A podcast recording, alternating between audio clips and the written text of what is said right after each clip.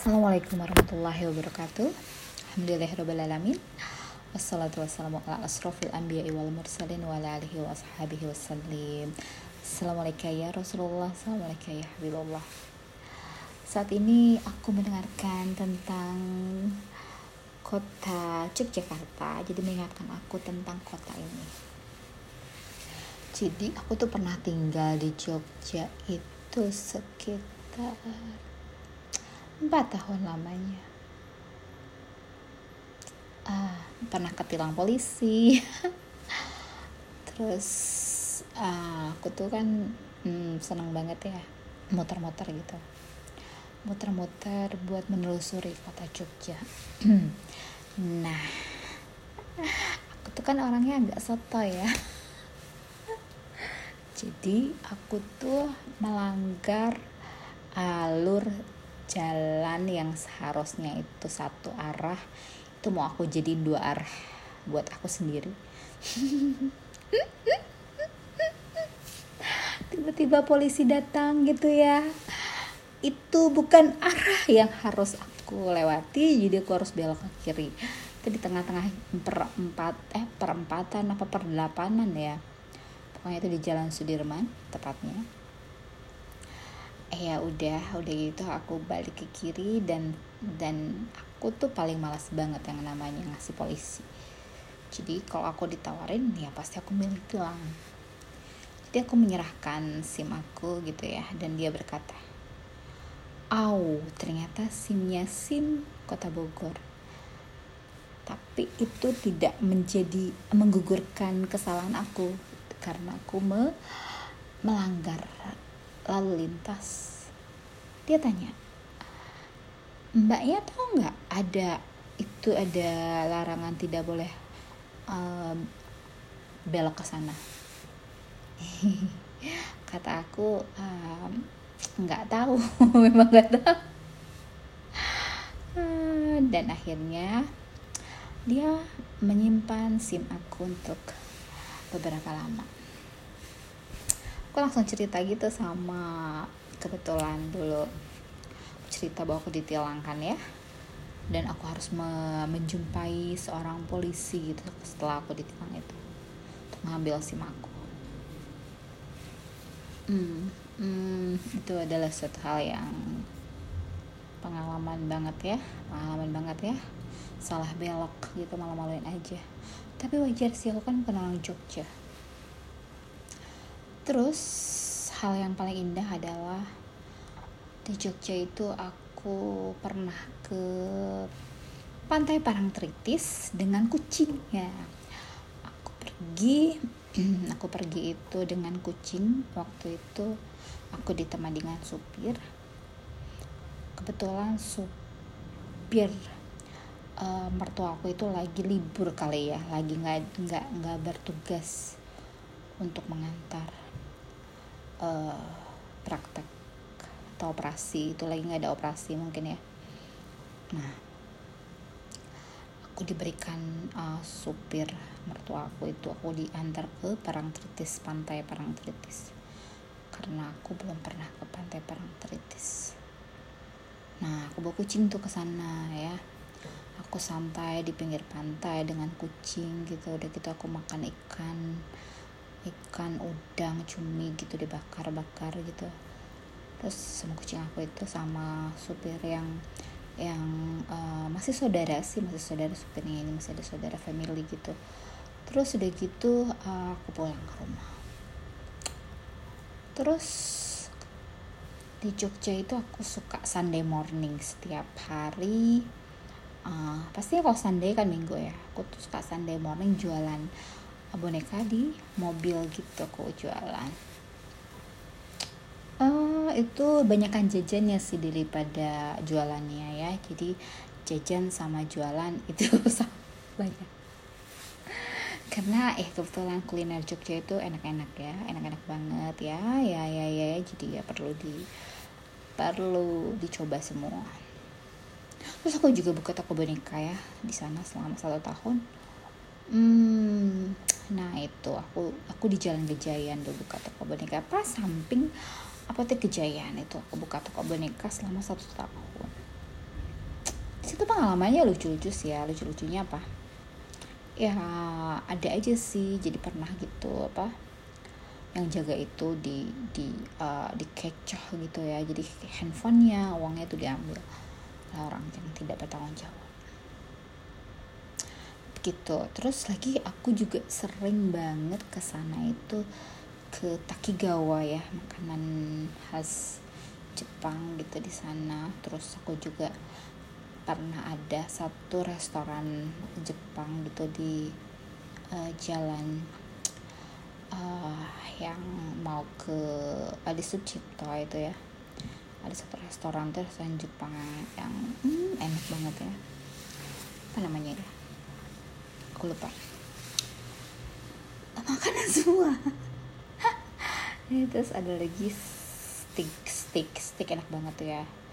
Di sana ada satu uh, tempat steak gitu yang enak banget di sana. Biasanya kalau aku udah dapet setoran gitu ya sebulan sekali enggak sih enggak sebulan sekali lebih kadang-kadang tuh aku jajan di uh, resto itu.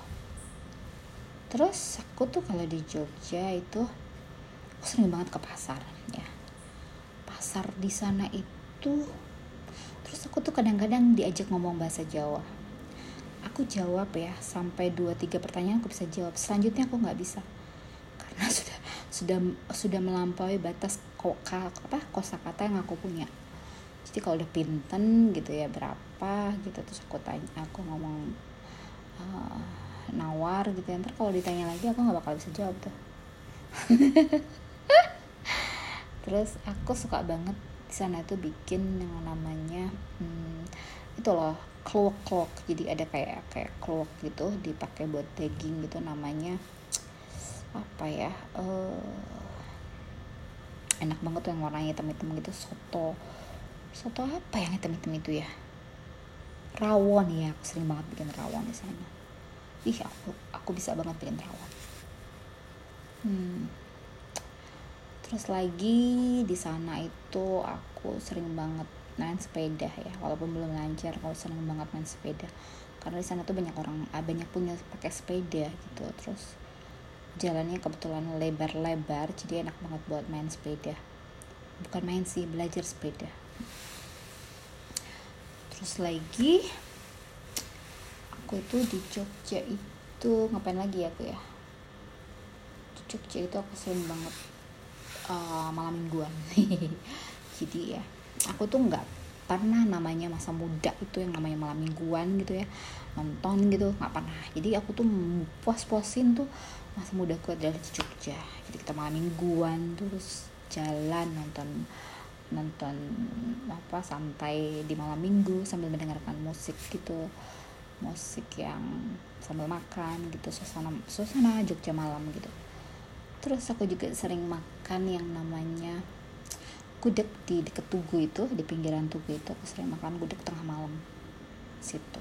Terus aku sering banget yang namanya makan makan mulu ya.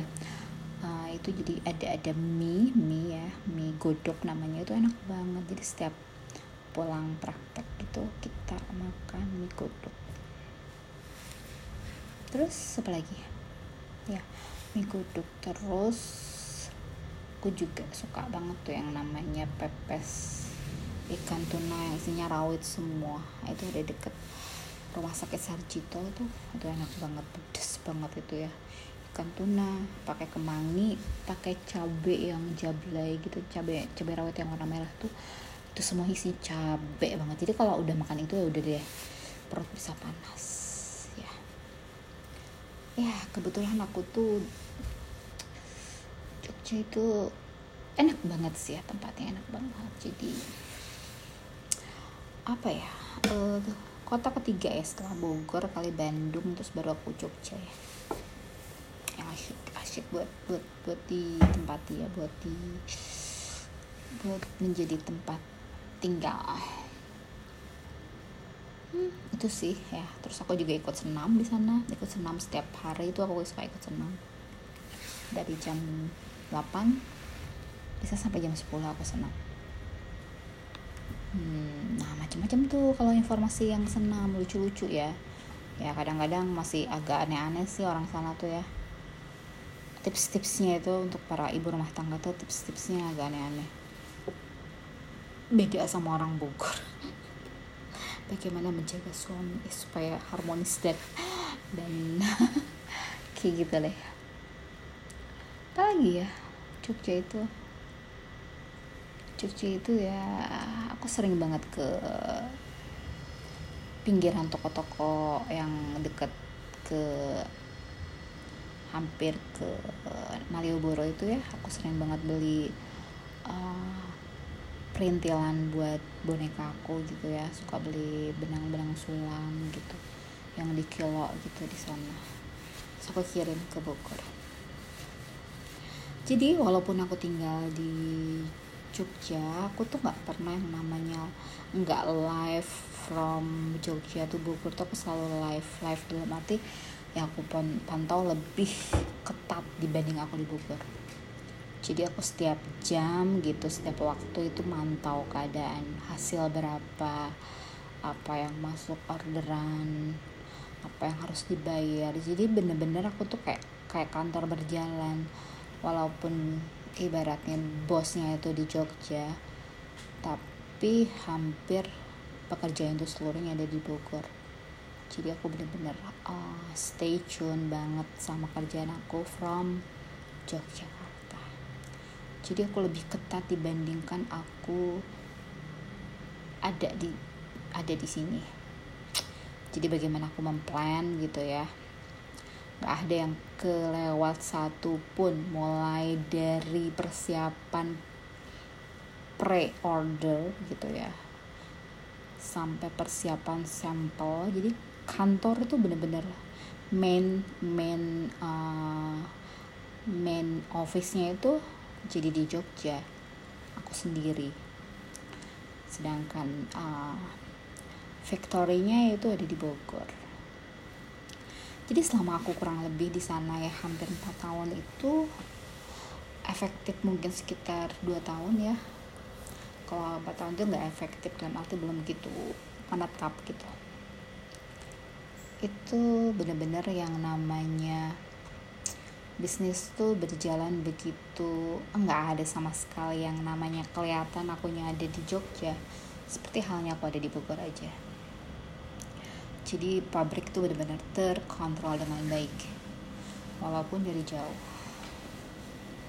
Jadi aku tiap tiap hari itu kerjanya nongkrongin uh, apa hmm, dulu aku pakai iPad ya pakai iPad supaya lebih besar aja ininya apa uh, gambarnya. Terus aku pegang uh, apa personal book gitu untuk nyatetin proses-proses uh, perkembangan up jadi pola up-nya itu aku aku catat hari per hari jam per jam gitu apa aja. Itu malah lebih terkontrol sebenarnya. Jadi walaupun aku tinggal di Jogja ya bisnis alhamdulillah lancar dan semuanya menghasilkan. Dan itu sudah aku aku sampai punya main board sendiri gitu ya. Main board tuh isinya schedule semua. Jadi bulan ini order apa aja tanggal kirim tuh sudah tercantum di situ semua kapan kapan pembayaran kapan harus aku store gitu. Kapan ada uang masuk kapan harus beli bahan kapan pokoknya semua detail tuh tercantum di mainboard gitu. Beda sama aku di Bogor sebenarnya. Aku di Bogor masih agak karena aku merasa di sini gitu ya jadi semua di luar kepala merasa seperti itu. Jadi tidak terlalu detail aku tulis. Padahal kalau waktu aku di Jogja itu benar-benar detail gitu ya jadi kerjaan aku bener-bener kayak orang ini aja kayak mobile office gitu ya. Jadi benar-benar aku telepon benar-benar aku uh, online untuk ngamatin pabrik itu. Adalah suatu anugerah yang masya Allah ya. Masya Allah tabarakallah. Allah memberikan sebuah semangat buat aku tetap uh, ibaratnya walaupun jauh tetap memantau tetap ber tetap bisa online gitu tetap bisa jalan pabriknya. Dan tidak kurang suatu apa pun jadi pas aku balik lagi ke Bogor juga kondisi pabrik masih seperti semula. Alhamdulillah ordernya berjalan dengan lancar tidak ada yang mandek gitu ya. Pengiriman pun berjalan Alhamdulillah lancar walaupun kadang-kadang mereka pulang pagi itu ya. Aku agak lebih asik sebenarnya kalau dari jauh. Aku nggak ikutan begadang sampai pagi jadi cuman uh, denger aja gitu. Pulang jam berapa gitu. Punya tidur di sana. Nggak sih bangun lah tetep bangun tuh sambil nanya udah hasil berapa? Gimana kirimnya? Ya seperti itulah. Jadi tetap tetap jalan. Produksi tetap jalan. Dan semua sampel-sampel itu aku checking by main office di Yogyakarta. Itu sih. Ya itulah dalam rangka hmm, mencari, kesempurnaan hidup yang tidak akan pernah sempurna ya. Insya Allah tapi dari situ kita belajar bagaimana kita menjalani segala sesuatu yang membuat kita pada akhirnya bersyukur karena dengan ditempa, diterpa, dengan diuji, dengan di uh, semua hal-hal yang uh, nggak uh, enak, enak, enak, yang enak, enak, enak itu membuat kita menjadi lebih kuat, ya, lebih kuat, lebih bisa banyak uh, makna hikmah yang bisa didapetin dengan berbagai jenis manusia yang bisa kita temui, dengan berbagai pengalaman yang bisa kita dapati, dengan karakter serta sisi psikologis orang kita bisa uh, maknai semuanya. Alhamdulillah itu sangat bermakna ya. Yang masih terkenang adalah aku masih ingat sama ini ibu mertua ini yang sangat baik sekali sama aku ya. Jadi uh, beliau ini sama aku tuh udah kayak anak ya. Jadi kalau aku ke rumahnya itu uh, dia itu punya peralatan dapur yang super komplit gitu ya tapi nggak pernah dipakai jadi aku tuh bener-bener make alat-alat dia tuh yang nggak pernah kepake tuh pakai gitu ya jadi barang-barang dia tuh keren-keren banget ya. Mulai dari juicernya yang harganya tuh bukan juicer kayak aku punya yang juicernya cuma 500 ribu. Kalau dia juicernya tuh yang 3 juta setengah gitu ya. Juicernya yang udah bisa ngejuice apa aja gitu ya. Oh tuh aku pakai akhirnya. Aku cobain bikin apa bikin apa gitu ya. Jus entah bikin susu susu kedelai gitu. Apa ya segala macam kita cobain tuh barang-barangnya yang nggak pernah dipakai jadi aku pakai punya peralatan dapur canggih sayang dong kalau nggak dipakai jadi aku manfaatin untuk pakai. Bikin apa pun yang aku mau. Karena aku sendiri nggak ada kerjaan di sana. Hmm, terus lagi aku paling suka ngontrol kulkasnya. Jadi kulkasnya tuh selalu penuh ya. Jadi kebetulan nih mertua aku ini kan seorang uh, selain dia dokter uh, apa senior dokter mata senior yang sudah punya uh, klinik pribadi sendiri gitu ya dan dan uh, banyak juga beroperasi di beberapa rumah sakit dan juga seorang dosen. Dosen uh, spesialis untuk mata. Jadi tuh kulkasnya penuh entahlah dari mana itu ya. Penuh apa pun ada di situ ya. Tapi sayang kalau nggak dimakan kan. Jadi aku setiap hari tuh kalau ke situ tuh aku ngontrol kulkas aku buka gitu kulkasnya aku cicipin satu-satu jadi mertua aku tuh udah apa aku kalau ke situ buka kulkas terus identifikasi ya identifikasi mana barang yang bisa dicicip mana yang harus dibuang mana yang ibaratnya sudah sudah nggak enak gitu ya. Sayang soalnya kan ya. Daripada sayang mendingan kita pergunakan kita cicip gitu ya atau kita bagi-bagi. Itulah itulah Linda yang suka bukain kulkas aduh mertua aku tuh suka datang ke rumah aku gitu ya. Dan dia suka bantuin aku untuk beres-beres rumah. Karena tahu menantunya itu agak uh, sibuk ya punya kerjaan. Enggak. Nah, jadi uh, ya dia tuh suka bantuin beres-beres rumah karena rumah kue itu betulan banyak banget pernak-pernik dan aku juga takut ngebuangnya gitu ya. Aku nggak berani ngebuangnya karena takut ada yang penting itu banyak banget dan itulah ibu mertuaku yang buang-buangin gitu kan ya. Jadi rumahku bersih. Dan kata-kata yang selalu aku ingat tentang beliau adalah e, Linda ini kalau di diomongin dimarahin paling guyu gitu. Dia selalu ngomong gitu. Ya aku memang selalu ketawa mau diomongin apa pun aku senyum aja. Bodoh mau diomongin apa juga aku aku ngerasa ya namanya juga orang tua ya omongannya rata-rata tanda sayang. Mau kayak gimana juga omongannya tanda sayang. Itu sih ya. Ya itulah. Aku seneng banget bereksperimen bikin bikin masakan gitu yang nggak jelas gitu ya. Ntar kalau ada itu kalau udah nggak jelas gitu kan ya ah, dibagi-bagiin tuh. Aduh masya allah. Terus lagi aku punya banyak kucing di sana ya. Jadi aku aku import kucing dari Bogor.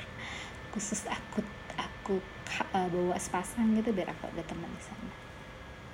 Ya begitulah. Ya aku suka banget yang namanya makanan-makanan di sana ya. Kopinya gitu kopi kopi kelotok gitu. Insya Allah. Terus uh, apa lagi ya?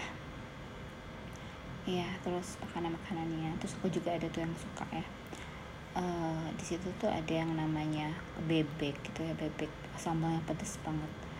Ada bebek sambalnya pedes banget ada babatnya ada jerawannya iso gitu. Aku sih nggak suka aku suka bebeknya aja. Itu disebut dengan apa namanya itu dekat dekat pasar ya. Terkenal banget itu sambalnya wis gledek pokoknya ya ya itulah Jogja yang menyisakan sebuah kenangan yang alhamdulillah ya bisa merasakan kota lain selain kota Bogor selama aku hidup gitu ya merasakan kota lain yaitu Yogyakarta. Yang masya Allah ya. Uh, pokoknya setiap sudut kota itu setiap belokan penuh kenangan. Karena kalau nggak nyasar ya salah belok kalau nggak dimarahin polisi dan aku paling santai kalau yang namanya ketemu polisi ya. Aku pasrah aja. Belaga kagak ngerti. Emang kagak ngerti dah aku masih sim Bogor ya bukan sim Jogja. Itu apalagi ya di sana tuh yang paling asik tuh ya.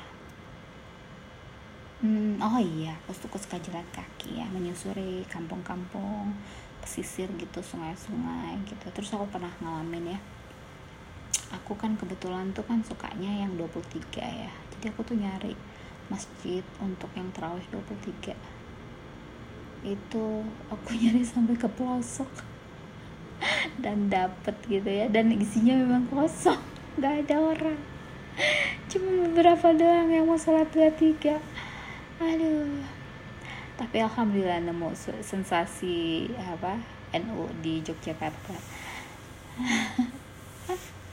Dan aku sering banget gitu kalau dengerin ceramah tuh bahasanya bahasa roaming gitu ya. Aku ketawa-tawa aja gitu ya ketawa-ketawanya nggak ngerti ya habis gimana? Memang mereka nggak ngerti bahwa ada orang Bogor yang mendengarkan di situ. Ya jadi aku rajin banget tuh karena rumah aku tuh dekat masjid jadi aku suka lari-lari pakai mukena masjid hmm.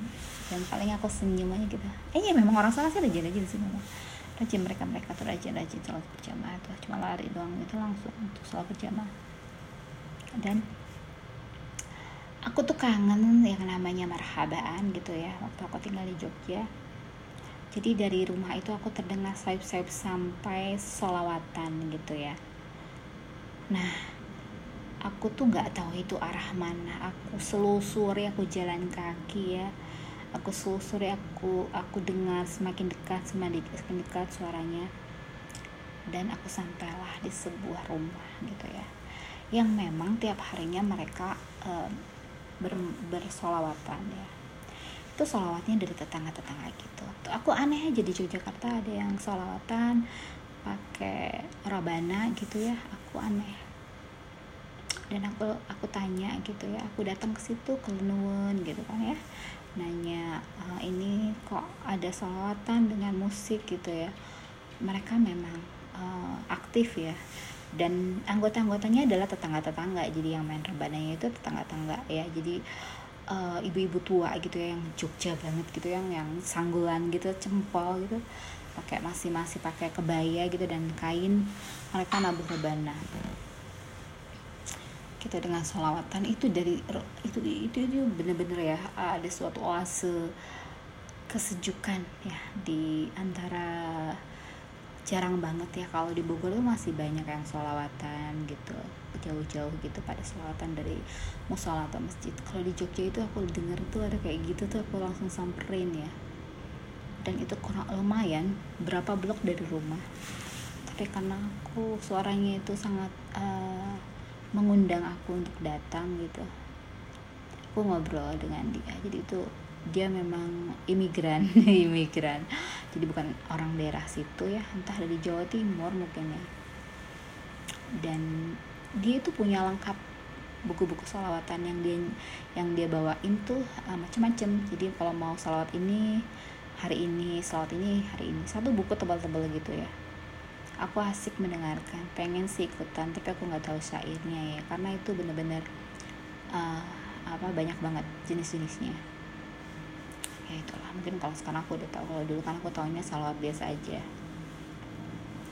Itu adalah satu pengalaman yang alhamdulillah ya. Dan masih banyak pengalaman-pengalaman lain yang seru-seru-seru selama aku di Jogja. Itu mungkin ya. Um, semoga menginspirasi membuat kalian-kalian semua yang datang ke kota Yogyakarta memang asik. Memang asik daerahnya. Enggak enggak terlalu apa ya enggak mahal makannya murah meriah. Kehidupan di sana juga murah meriah nggak terlalu mahal.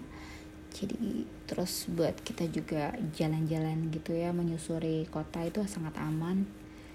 Uh, banyak sekali yang bisa kita jadikan nilai ekonomis di sana ya kemudian lagi uh, orangnya baik-baik. Jadi aku pernah uh, per pernah aku dipijit oleh seorang nenek-nenek di sana ya.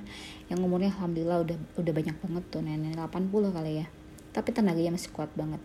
Kayaknya dari dulu awal mudanya sampai tua kayaknya dia bertani. Karena kelihatan tuh pegangan tangannya tuh kenceng banget gitu ya.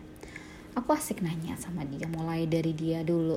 Tinggal di Jogja itu mulai dari tahun berapa bagaimana kisah mudanya gimana alat transportasinya dulu mau ke kota tuh pakai apa terus penghidupannya apa aja makannya sehari-hari apa ada hiburannya apa aku tanya detail banget tentang sejarah dia dulu tinggal di Yogyakarta mulai dari umuda sampai sekarang ini. Banyak perbedaan sekali dan aku suka banget ngulik nanya-nanya ke orang tentang kehidupan sejarah beliau gitu ya bagikan aku menerawang gitu ya. Pergi ke zamannya beliau ini dulu ada dengan kisah-kisahnya yang menarik dengan kekhususannya yang uh, sangat unik gitu ya yang bisa aku uh, mengeksplor. Jadi aku ber berimajinasi yang mengikuti apa yang diceritakan oleh eh, ibu-ibu uh, tua ini. Alhamdulillah.